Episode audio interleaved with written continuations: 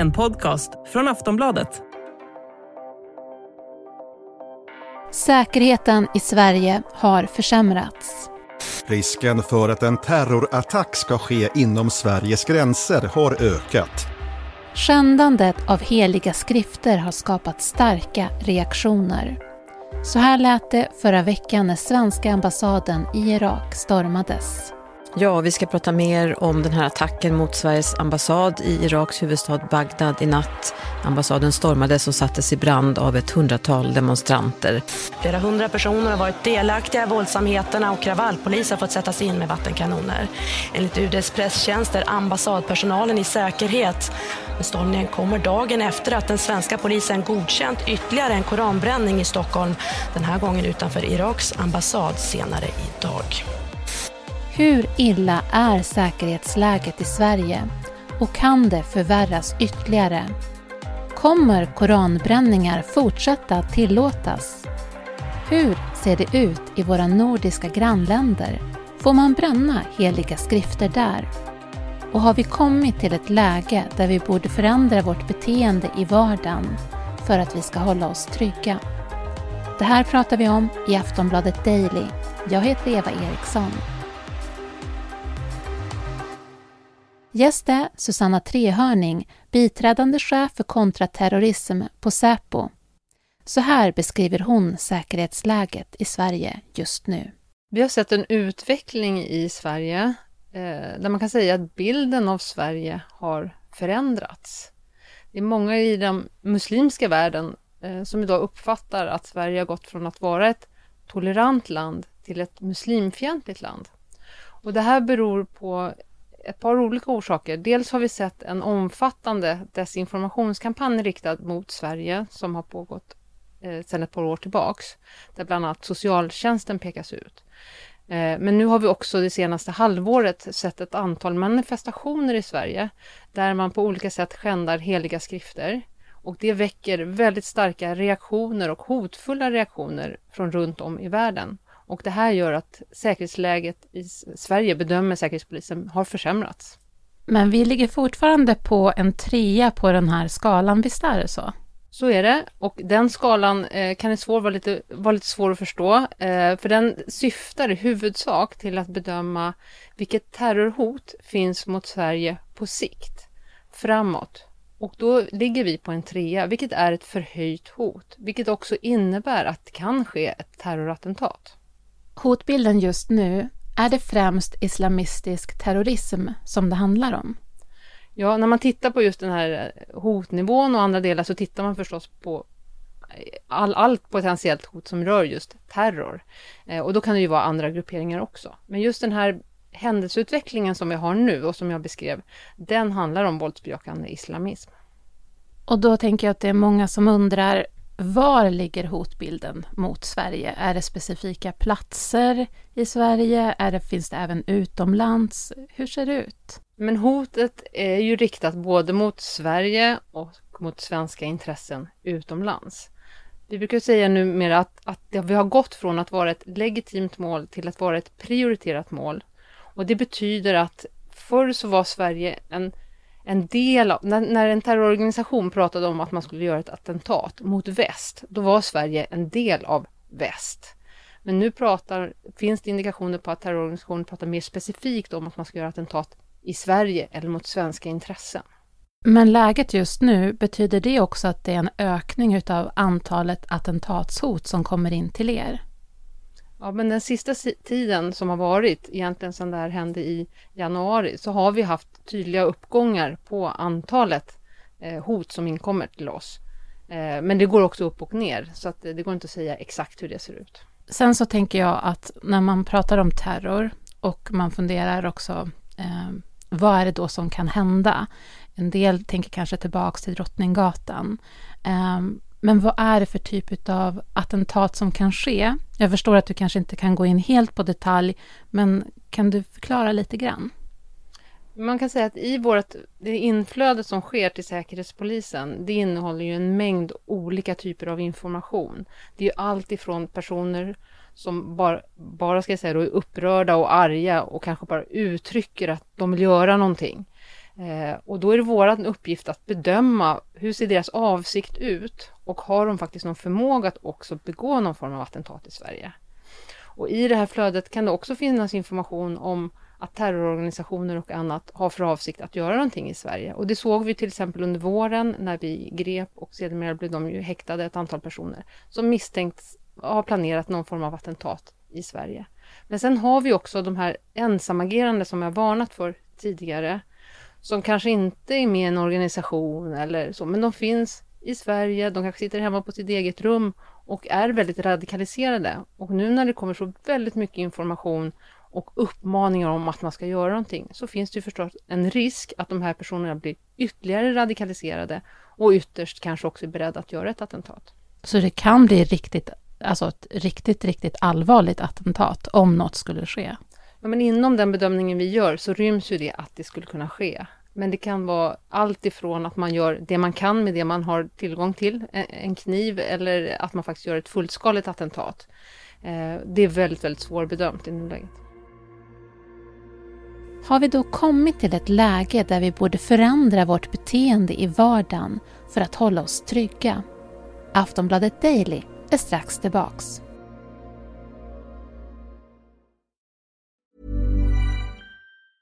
Quality sleep is essential for boosting energy, recovery and well-being. So, take your sleep to the next level with Sleep Number. With a Sleep Number smart bed, you can individualize your comfort level and enjoy a better sleep night after night. JD Power ranks Sleep Number number 1 in customer satisfaction with mattresses purchased in-store. And now the Queen Sleep Number C4 smart bed is only $1,599, a saving of $300 only for a limited time. For JD Power 2023 award information, visit jdpower.com/awards. Only at Sleep Number stores or sleepnumber.com.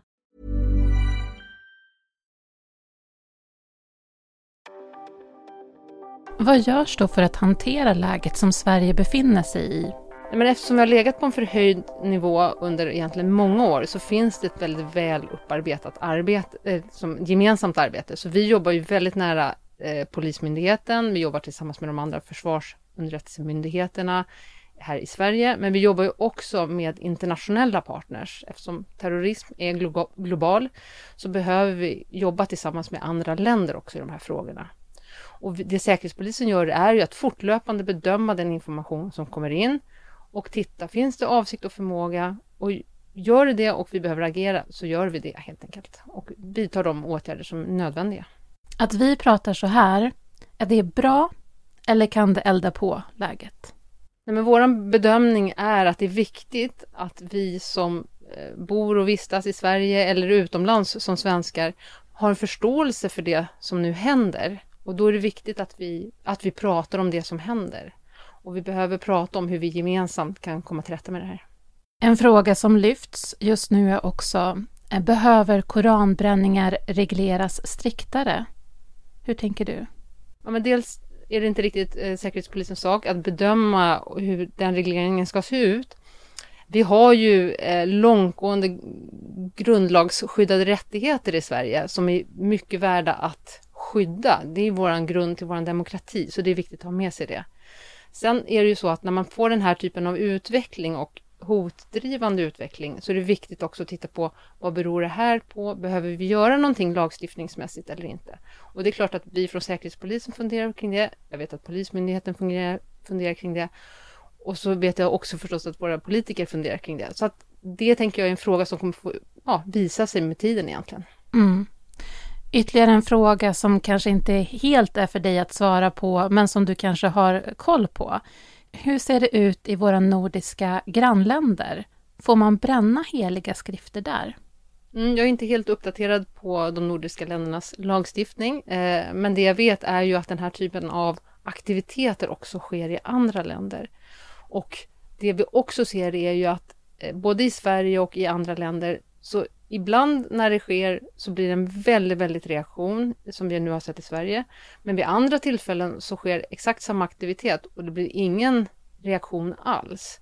Och det måste vi titta lite grann vidare på vad det beror på. Också en sak som många funderar över just nu. Är det någonting som jag bör undvika i min vardag? Det skulle jag säga att, att det inte är, utan eh, om man vistas och är i Sverige så ska man leva som vanligt. Eh, och känna sig trygg med att Säkerhetspolisen fortlöpande bedömer det som kommer och att polisen gör ett fantastiskt jobb ute på fältet och att vi som, som land har en god kapacitet att hantera den här typen av situation. Och befinner man sig utomlands som svensk så tänker jag att man får följa de råd som finns för respektive land. Men när man är på en plats, finns det någonting som man ändå, som kan vara bra att hålla koll på? Det skulle jag i så fall inte säga specifikt utifrån just det här, utan generellt utifrån att vi har en förhöjd hotnivå. Eh, det kan hända den här typen av attentat. Vi har sett det ske förut i både Sverige och Europa. Så det är klart att ser man saker som känns fel eh, och att det här är något som inte stämmer, då är det alltid bättre att en gång för mycket kontakta någon ansvarig på plats eh, än att inte göra det. Vad skulle ett sådant tecken kunna vara för någonting? Och det är helt omöjligt att svara på faktiskt.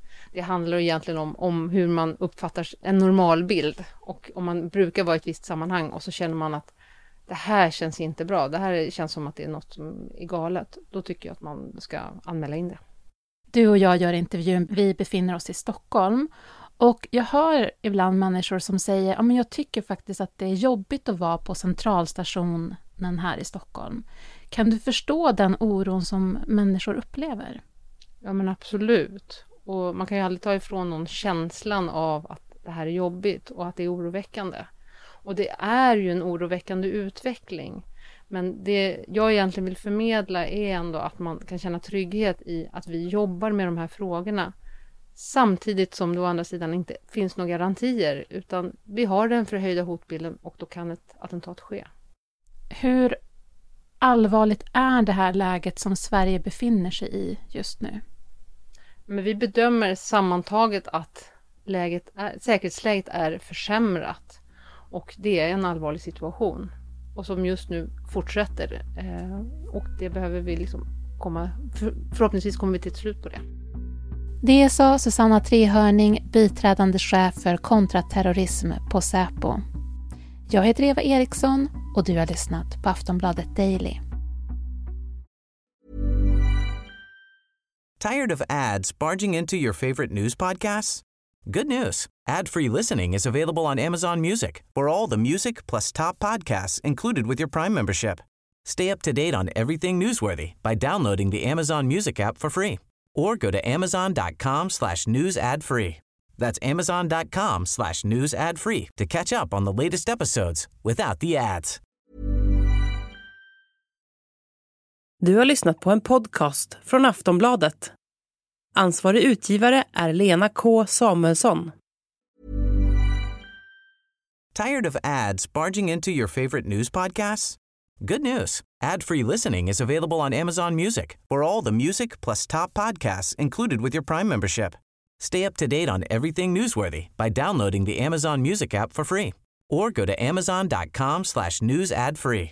That's amazon.com slash news ad free to catch up on the latest episodes without the ads.